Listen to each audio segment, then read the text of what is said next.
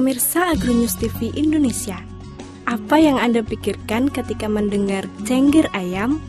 Tentunya pelengkap dalam tubuh ayam yang membuat ayam menjadi semakin menarik, bukan? Cengger ayam bukan sekedar pelengkap saja, namun perlu diketahui bahwa cengger ayam ini memiliki manfaat tersendiri.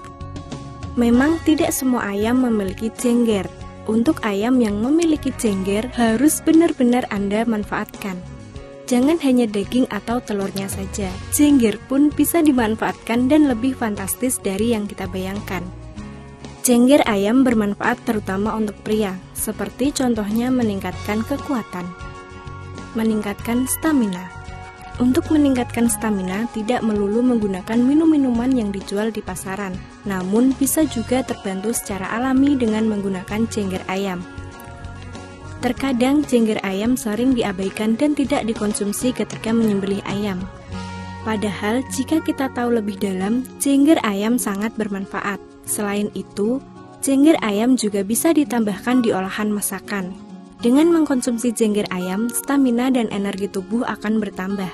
Pekerjaan maupun aktivitas yang dilakukan dapat berjalan lancar, selalu semangat dan tidak cepat lelah.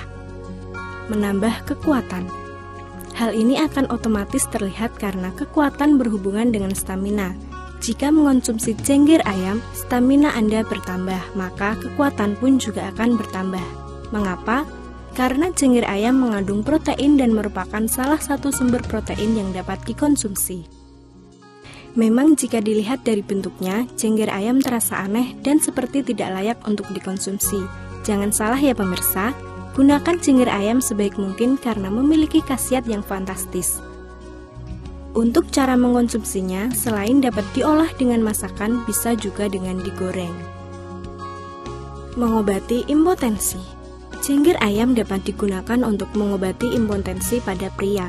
Caranya adalah dengan memanfaatkan darah dari cengger ayam, yakni dengan mengeringkan darah di bawah sinar matahari hingga keluar cairan seperti minyak.